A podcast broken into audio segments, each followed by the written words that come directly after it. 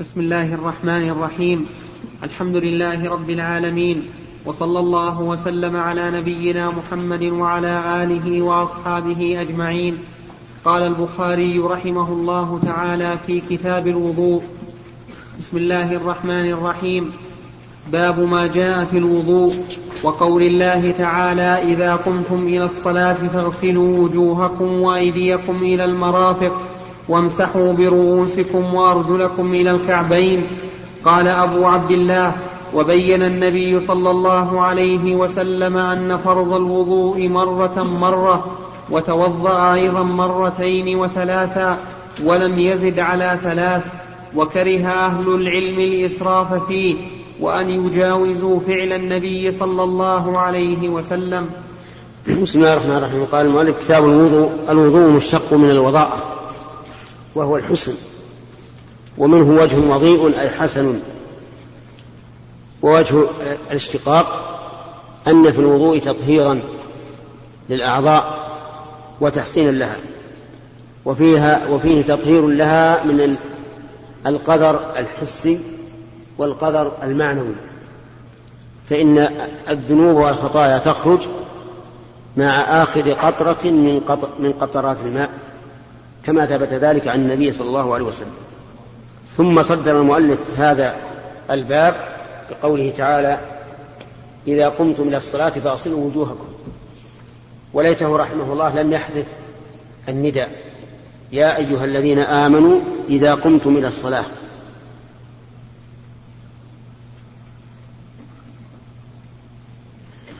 حتى تتم الآية.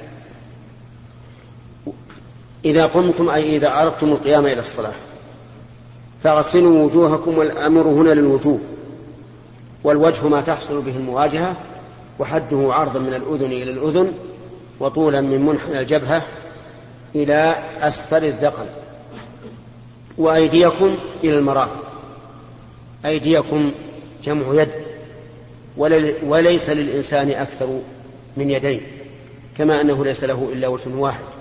لكن لما كان الخطاب للجماعة كان الأمر للجماعة.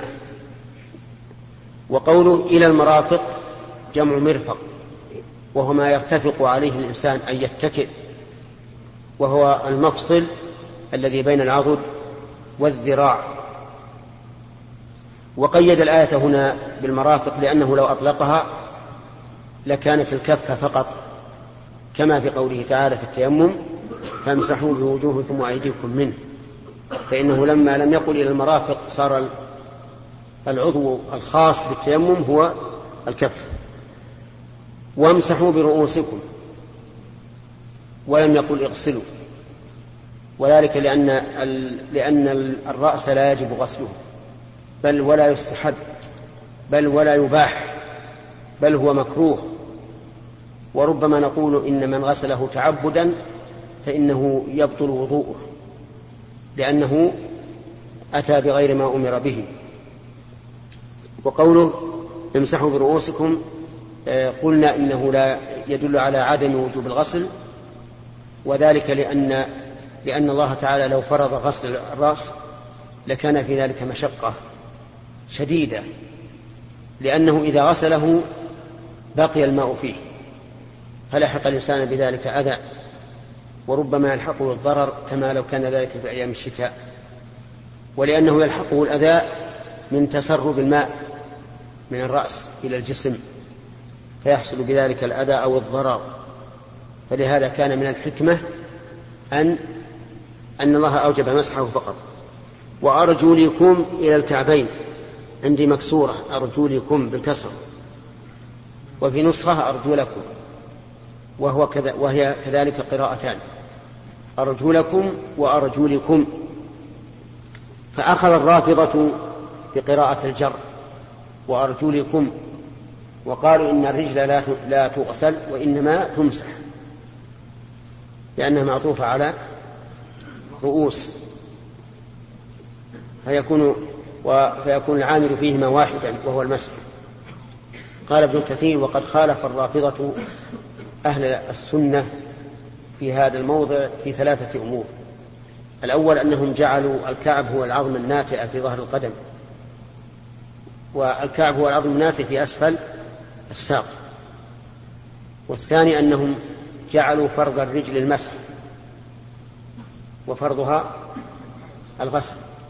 والثالث أنهم منعوا المسح على الخفين في الرجل مع أن السنة في ذلك متواترة. وأما على قراءة النصب وأرجلكم فهي معطوفة على إيش؟ على وجوهكم. معطوفة على على وجوهكم يعني واصلوا أرجلكم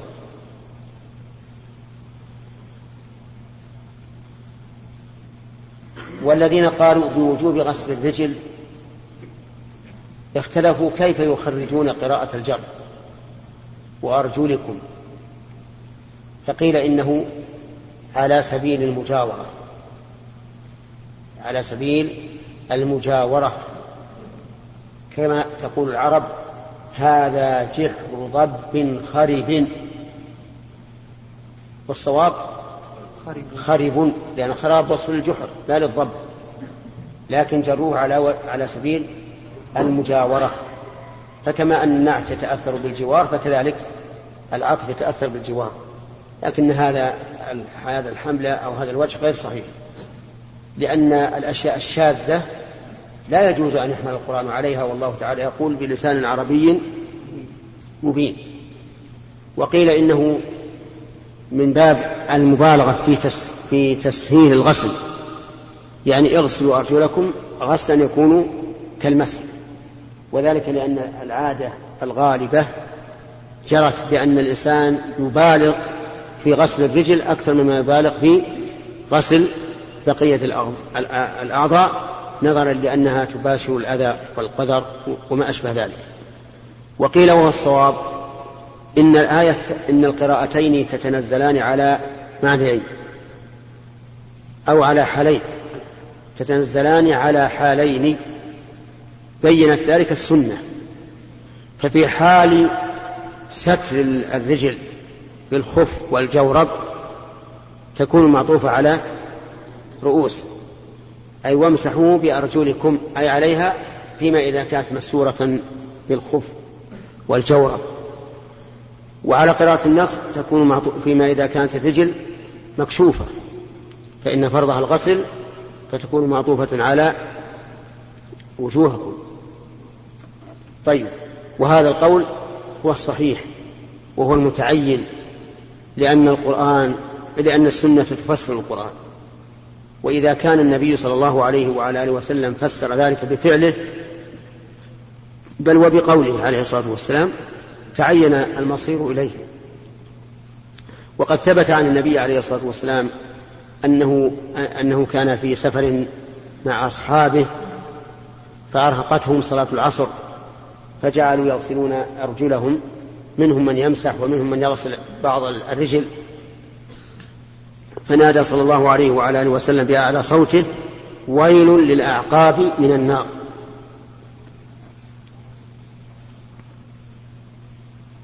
ثم ذكر المؤلف رحمه الله أن النبي صلى الله عليه وسلم توضأ مرة مرة ومرتين وثلاثا ولم يزد على ثلاث. نعم.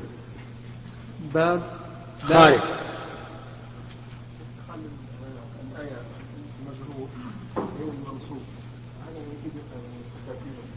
إي نعم. هذه الآية استدل بها الذين قالوا بوجوب الترتيب. وقالوا إن الله تعالى لم يضع الممسوح بين المغسولات إلا لهذه الفائدة.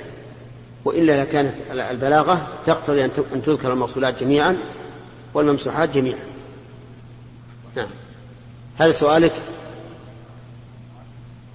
نعم وما حاجة الله الله إلى حديث يأخذ بقراءة الكسر أو قراءة الجر مع أنهم لا يؤمنون إلا بمصحف فاطمة يمكن هذا يوافق مصحف فاطمة ما ندري. نعم. ها؟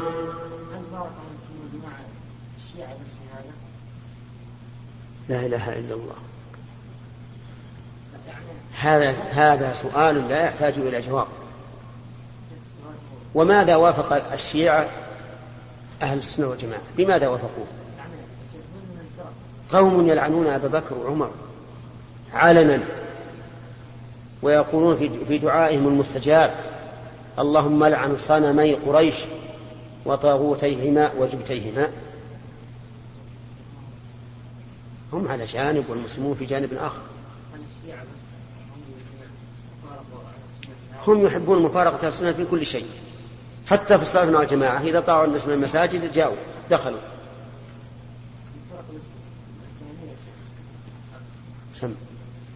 باب لا تقبل صلاة بغير بغير طهور. حدثنا إسحاق بن إبراهيم الحنظلي. لماذا أردت أن تفتح فضممت؟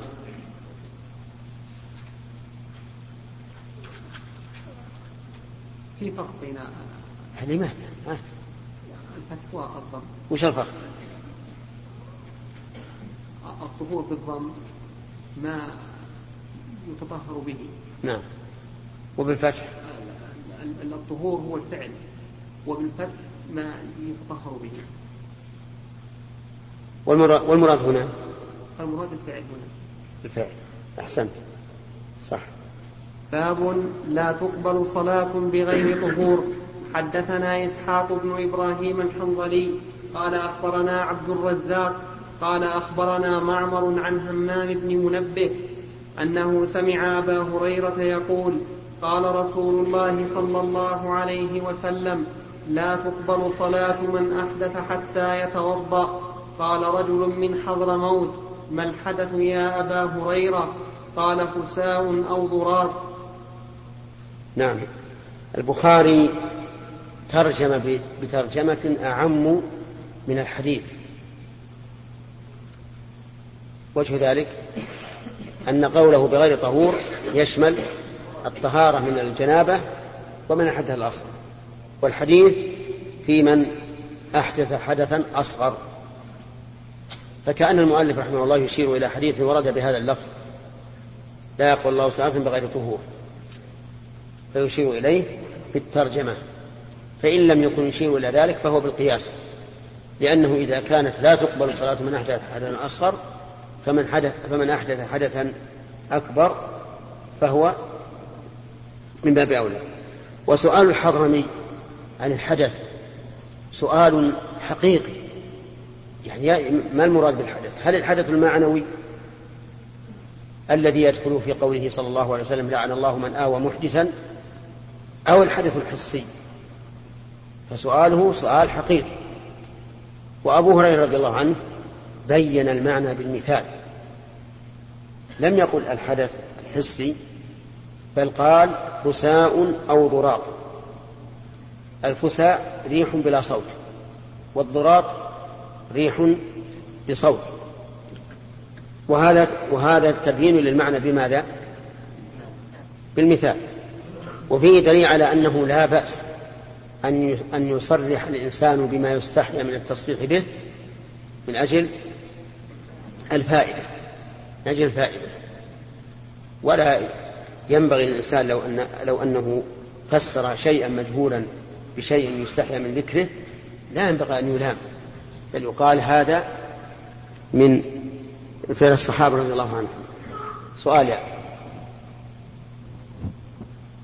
رواية الخلق أنت هنا آه، ما هو الأدب في من تثاءب؟ قبل لا قبل فيه معالجة قبل.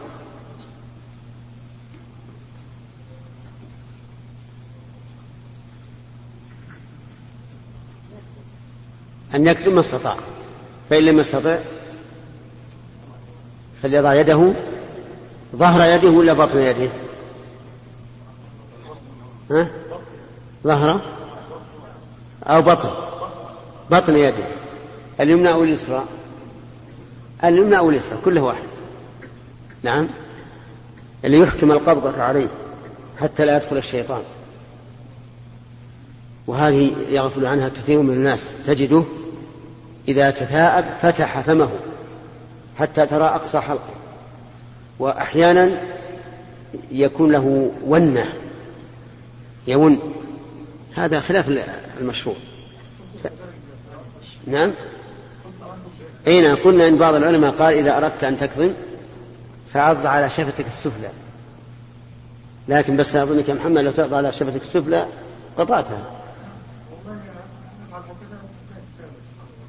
ولا انقطعت؟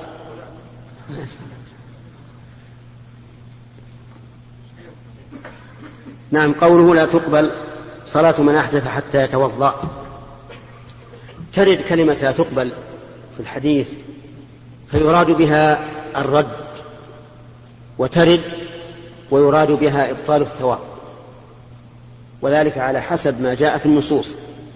فإذا كان نفي القبول لوجود مانع أو فوات الشرط فنفي القبول هنا بمعنى الرد يعني مردودة ويجب ويجب إعادتها على وجه صحيح. وإذا كان لأمر آخر منفصل عن العبادة فهو نفي ليش؟ للثواب للثواب وإن كانت مجزئة. ففي هذا الحديث نفي لأي شيء؟ نفي للصحة. لأنه نفي يتو... آه... ثبت لفوات شرط وهو الطهارة الطهارة. وكذلك لو قلت لا يقبل الله صلاة من استقبل غير القبلة. نقول هنا النفي للصحة. أما إذا قلت لا يقبل الله صلاة من شرب الخمر أربعين ليلة فهذا نفي للثواب. يعني أن الإنسان يعاقب بنقص ثواب هذه الصلاة أربعين ليلة من أجل أنه شرب الخمر وهذه القاعدة. إذا كان نفي القبول لفوات شرط أو وجود مفسد فإيه؟ فهو نفي الصحة فتكون العبادة مردودة وتجب إعادتها إذا كان مما تتوقف على الإعادة. وإذا كان لأمر خارج عن العبادة فهو لنفي الثواب. نعم. باب أخذنا نعم. باب فضل الوضوء والغر المحجلون من آثار الوضوء. حدثنا يحيى بن بكير قال حدثنا الليث عن خالد عن سعيد بن أبي هلال عن نعيم المجمر قال رقيت مع أبي قال رقيت مع أبي عندي رقيق. نعم. قال رقيت مع أبي هريرة على ظهر المسجد فتوضأ ثم فتوضأ فقال إني سمعت النبي صلى الله عليه وسلم يقول إن أمتي يدعون يوم القيامة غرا محجلين من آثار الوضوء فمن استطاع منكم أن يطيل غرته فليفعل. نعم. قوله إن أمتي يعني أمة الإجابة. يدعون يوم القيامة يعني ينادون. كما قال تعالى يوم ندعو كل أناس بإمامهم. وقال تعالى وترى كل أمة جاثية كل أمة تدعى إلى كتابها. يحكم بينها بكتابها الذي نزل عليها ويحكم عليها بكتابها الذي كتب عليها. لأن كل أمة لها كتابان. كتاب نزل عليها تشريعا. وكتاب كتب عليها مجازاة وحسابا كما قال تعالى وكل إنسان ألزمناه طائرته, طائره في عنقه ونخرج له يوم القيامة. إيش؟ كتابا يلقاه منشورا. فيوم القيامة يدعى الناس بكتابهم بإمامهم المنزل عليهم والمكتوب عليهم. هذه الأمة تدعى على هذا الوصف غرا. جمع أغر والغرة بياض في وجه الفرس. وهذا البياض ليس بياض عيب وبرص لكنه بياض نور. تتلألأ نوره من فضلك من أثر الوضوء يوم يعرفون بها. قال النبي عليه الصلاة والسلام سيما ليست لغيركم. سيما يعني علامة ليست لغير هذه الأمة. ومحجلين. المراد بالتحجيل هنا بياض الأطراف الرجلين واليدين. ومعلوم أن الوضوء يصل إلى الكعبين في في الرجلين وإلى المرفقين في اليدين. فتأتي هذه المواضع بيضاء تلوح.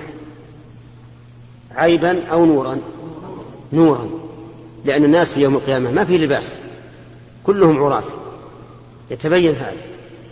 فيدعون يوم القيامة بهذا وقوله من آثار الوضوء يعني من آثار غسلها لأنها تطهر بالوضوء من كل خطيئة.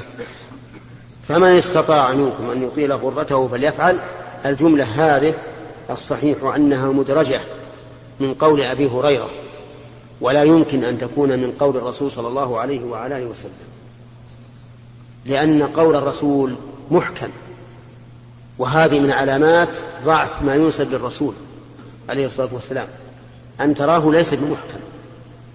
انتبه لهذه الفائدة. يعني من العلل التي يعلل بها الحديث أن يكون الكلام إيش؟ غير محكم. فإذا كان غير محكم تبين أنه ليس من قول الرسول عليه الصلاة والسلام. فالغرة لا يمكن إطالتها أبدا لأن الغرة هي الوجه. حدا بحد. وهل يمكن أن يطال الوجه؟ لو أطلته صار, صار وجها. حتى لو فرض أنه طال الوجه صار وجها. فبهذا عرف أن هذه ليست من كلام النبي صلى الله عليه وسلم وإلى هذا أشار ابن القيم رحمه الله في النونية فقال وأبو هريرة قال ذا من كيسه فغدا يميزه أولو العرفان. وإطالة الغرات ليس بممكن أيضا وهذا واضح التبيان. وهذه القاعدة التي أشرت إليها أن ما كان غير منضبط فليس من كلام الرسول. تنفعك في هذا الموضع وغيره.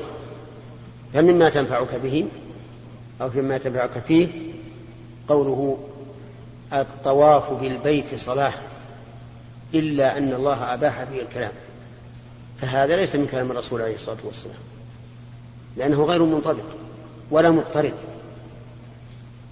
هذا الحديث يدل على أنه لا يستثنى إلا الكلام مع أن أكثر الأحكام لا, لا, لا يوافق طواف الصلاة فيها في أكثر الأحكام.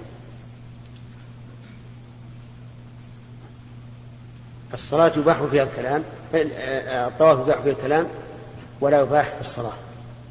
الصلاة تبدأ بالتكبير وتختتم بالتسليم.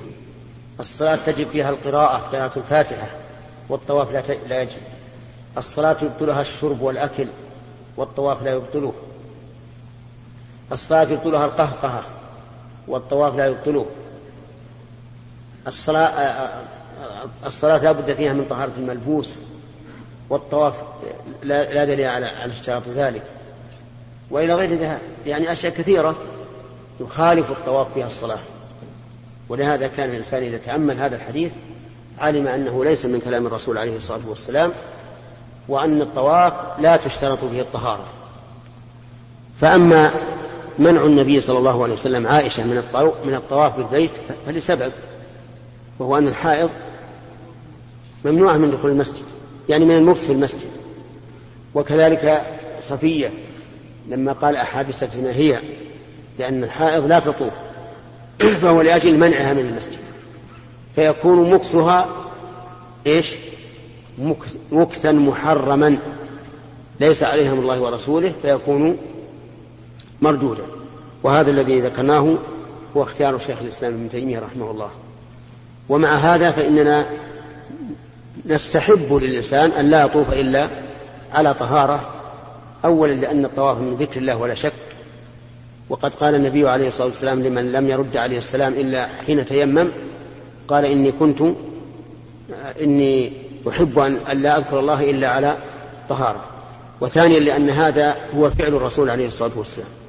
فإن النبي صلى الله عليه وعلى آله وسلم حين طاف صلى ركعتين خلف المقام ولم يرد عنه أنه توضأ بعد طوافه. وثالثا أنه أحوط لأن فيه خروجا من من الخلاف من خلاف الجمهور. لكن أحيانا لا يسع الإنسان إلا أن يفتي بعدم الاشتراك. مثل لو أحدث الإنسان في هذه الزحمات الشديدة في طواف الإفاضة مثلا. فهل وجاء يسأل بعد أن تفرق الناس وذهب إلى أهله هل نأمره بالإعادة؟ الأمره بالإعادة صعب لأن مثل هذه الكلفة العظيمة يحتاج إلى نص قاطع يقابل به الرب يقابل به الرب عز وجل أن يلزم عباده بهذه المشقة العظيمة دون أي دليل قاطع يبين ذلك. فلهذا نقول للناس لا تطوفوا إلا على طهارة. وإذا سألونا قبل أن يطوفوا قلنا تطهروا. لكن إذا حدث أن قالوا والله إن أحدث مع شدة الزحام ويصعب عليه أن يذهب ويتوضأ قلنا لا حرج. طوافك صحيح لأنه ليس هناك دليل يستطيع الإنسان أن يواجه به ربه يوم القيامة. طيب إذن في هذا الحديث دليل على إثبات البعث بقوله إن أمتي يدعون وفيه دليل على أن الأمم تختلف في ذلك الموقف لقوله إن أمتي يدعون وقوله في الحديث الصحيح سيما ليست لغيركم وفيه دليل على فضيلة الوضوء وفيه الحث على إسباغ الوضوء يعني إتمامه وإكماله لتأتي يوم القيامة وقد كمل نورك وضوءك.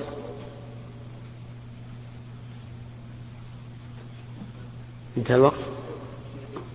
نعم.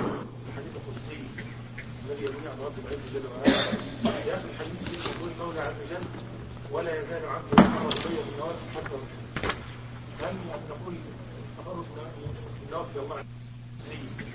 الذي يبني عن رب العزة جل وعلا في اخر الحديث يقول المولى عز وجل ولا يزال عبده يتقرب الي بالنوافل حتى هل نقول التقرب بالنوافل الله عز وجل يكون نعم. نقول ممكن نقول يعني قال قول الصحيحين قولا اي اعمال احب احب من الله عز وجل قال ايمان بالله.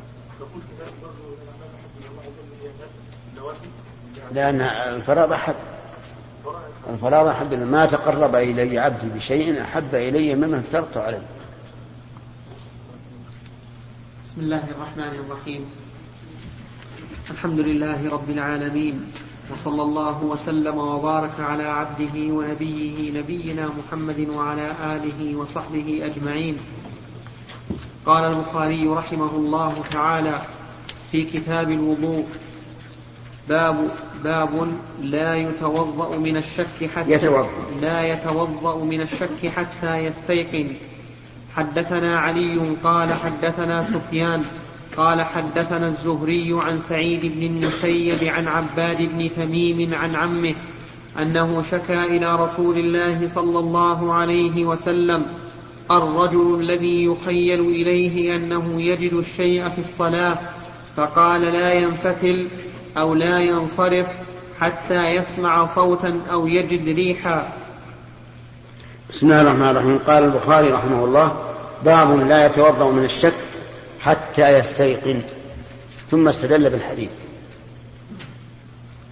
والترجمة هنا أعم من الحديث أعم من الدليل.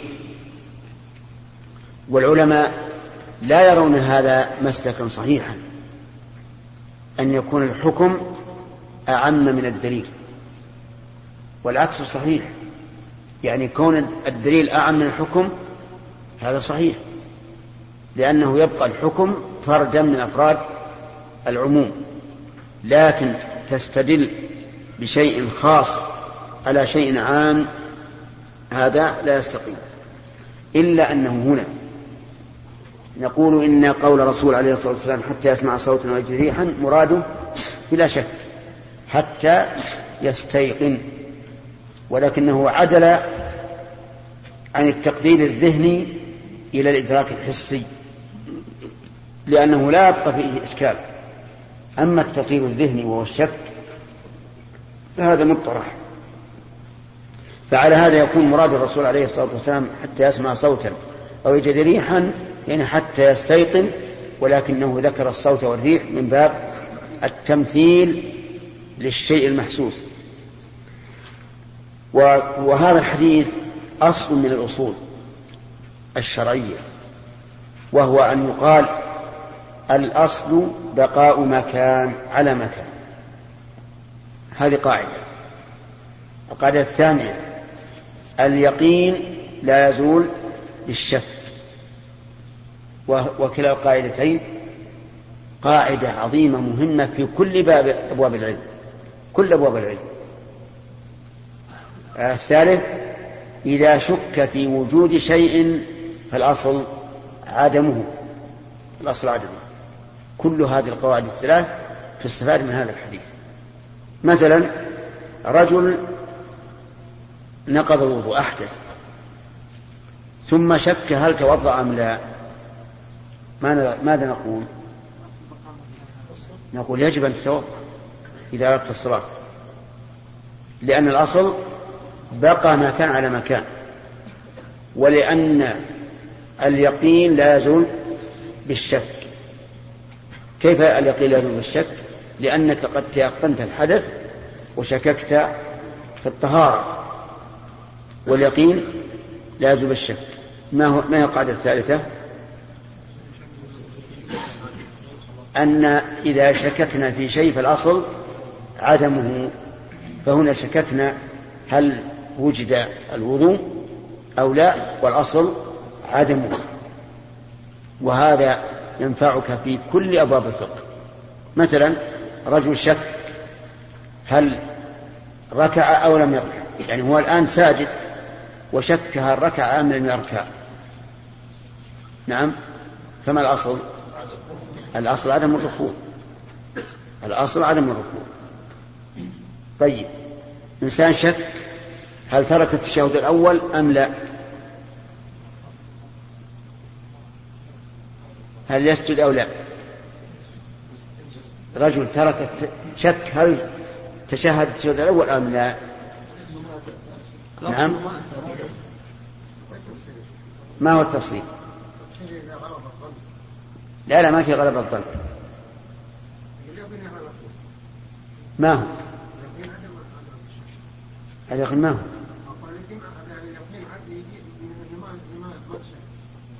يعني إذا يحكم يحكم عليه بأنه ترك التشهد. فيجب عليه السجود السهو ولا ما يجب؟ ها؟ يجب. طيب توافقونه؟ لا لا في أثنائها نعم. ما في غلبة الظن ها؟ إذا وافقت سليم نعم قل كيف عكس؟ وش معنى عكس؟ وين تشتبوه؟ ما يسجدوه تاركا التشهد؟ دعنا من هذا فالشكوك أصلا ما ما ما يعمل به هذه المسألة فيها قولان للعلماء. المذهب لا يسجد وعللوا ذلك قال لأنه قالوا لأنه شك في سبب وجوب السجود والأصل عدمه. لأن سبب وجوب السجود ترك التشهد والأصل عدم وجود السبب. والقول الثاني يسجد لأن الأصل عدم الفعل. وهذا أقرب إلى القواعد. الأصل أنك ما تشهدت وإذا كان هذا هو الأصل فمعناه أن السجود الآن لا بد منه. وهذا هو الصواب. أنك إذا شككت في ترك الواجب هل تركته أو فعلته سواء التشهد الأول أو التسبيح أو التكبير في غير تكبيرة الإحرام فإنك تسجد للسهو. لأن الأصل عدم.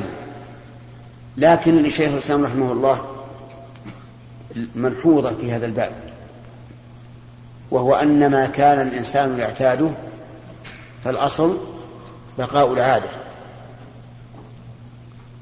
وبنى على ذلك الحالف إذا حلف على أن يفعل شيئا وشك هل قال إن شاء الله أو لا. وحنث فهل تلزمه الكفارة؟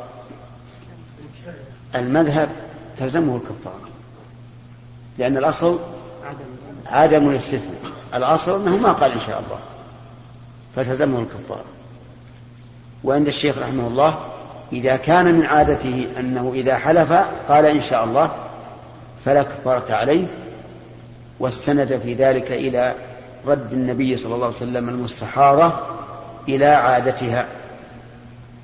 قال فإن هذا دليل على أن العادة محكمة. وأنه يرجع إليها على كل حال هذه القواعد تفيد طالب العلم. فصار الآن نأخذ من هذا الحديث أننا إذا شككنا في وجود الشيء فالأصل عدمه. طيب. ومن فوائد هذا الحديث أن الصلاة لا تبطل بحديث النفس. لقوله يخيل إليه أنه يجد الشيء في الصلاة. وهذا الخيال معناه أن النفس تردده هل أحدث أو لم يحدث فلا تبطل الصلاة. ومن فوائد هذا الحديث سهولة تعليم الرسول عليه الصلاة والسلام. حيث ذكر هذين المثالين سماع الصوت ووجود الريح لأن كل إنسان يدركهما. لو قال حتى يستيقن لا أورد سؤالا وقال متى يستيقن؟ فلما قال حتى يسمع صوتا أو يجد ريحا فهم المعنى المراد بعبارة سهلة ميسرة. نعم. طيب إذا حصل هذا الشك في غير الصلاة.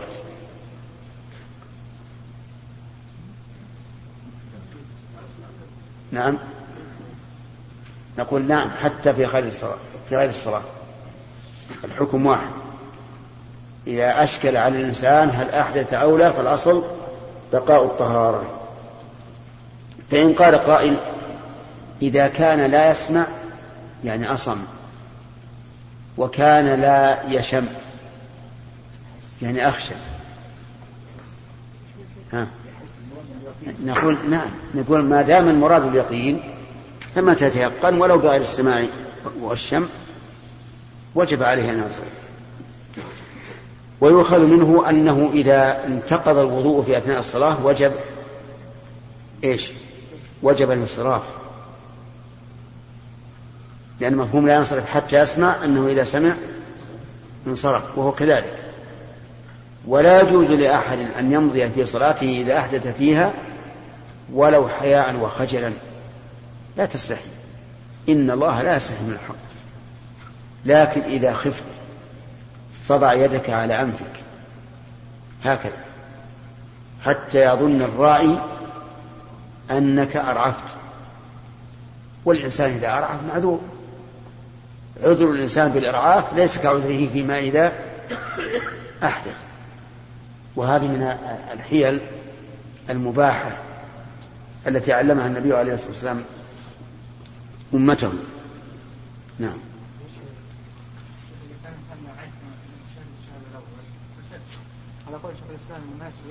إي نعم. على قول الشيخ لا يسجد لكن من عادته لأن هذا في الغالب إذا كان من العادة. الغالب أن الشك هذا يكون وهم. والدليل على هذا إذا اعتدت مثلا إذا اعتدت أن تذكر الله بذكر معين تجد لو أنك ما, ما ذاك الساعة ما أحضرته تمشي عليه. مثلا إذا كان الإنسان يعتاد أن أن يستفتح بحديث أبي هريرة اللهم باعد. تجده يقوله حتى لو كان بالأول يقول بستفتح سبحانك اللهم من أجل تنوع الاستفتاحات ما أدري بنفسه إلا وقد قال اللهم باعد. من عادته أن يتشهد. أي نعم. نعم نقول لأن لكن إذا جاء شك طارئ. شك واضح. لا لا ما في شك. الغالب إنه يتشهد فعلى كلام الشيخ ما ما يسجد لا لا محرر قاعدة يقال هذا وهم حتى لك من الشيخ. يقال ما دمت من عادتك أن تشهد فهذا الشك وهم لا عبرة به. نعم. بعضهم القياس الشك في خارج الصلاة إيش؟ بعضهم لم يقبل القياس الشك في خارج الصلاة قياس داخل الصلاة. نعم. يقال إن إذا شك خارج الصلاة ما يصح الوضوء لأنه شك في شرط اذا شك في شرط يبطل من الشيء. كيف؟ ما يصح الشك. ولا شك ان بينهم فرق لأن شروعه بالصلاه يقتضي أن لا يخرج منها إلا بيقين. إذ أنها فرض مثلا أو نفل لا تخرج إلا بيقين بخلاف ما قبل الصلاة. لكن قد ورد في حديث هريرة إذا وجد أحدكم في بطنه شيء فأشكل عليه أخرج منه أو شيء أم لا فلا يخرجن من المسجد. حتى يسمع صوتا أو يجد ريحا. أي نعم. سؤال ثالث نعم. بارك الله فيكم. أصحاب الأعذار يا شيخ. اذا رجل توضا لصلاه العصر وظل على وضوءه إلى صلاة المغرب وهو من أصحاب الأعذار. يعني يخرج الريح وهو شك يعني هل هو اخرج الريح لا؟ يبقى يبقى على طهارته صلي المغرب ليس ليس قال يا شيخ أنه يتوضأ؟ لا. ما دام ما خرج شيء. نعم.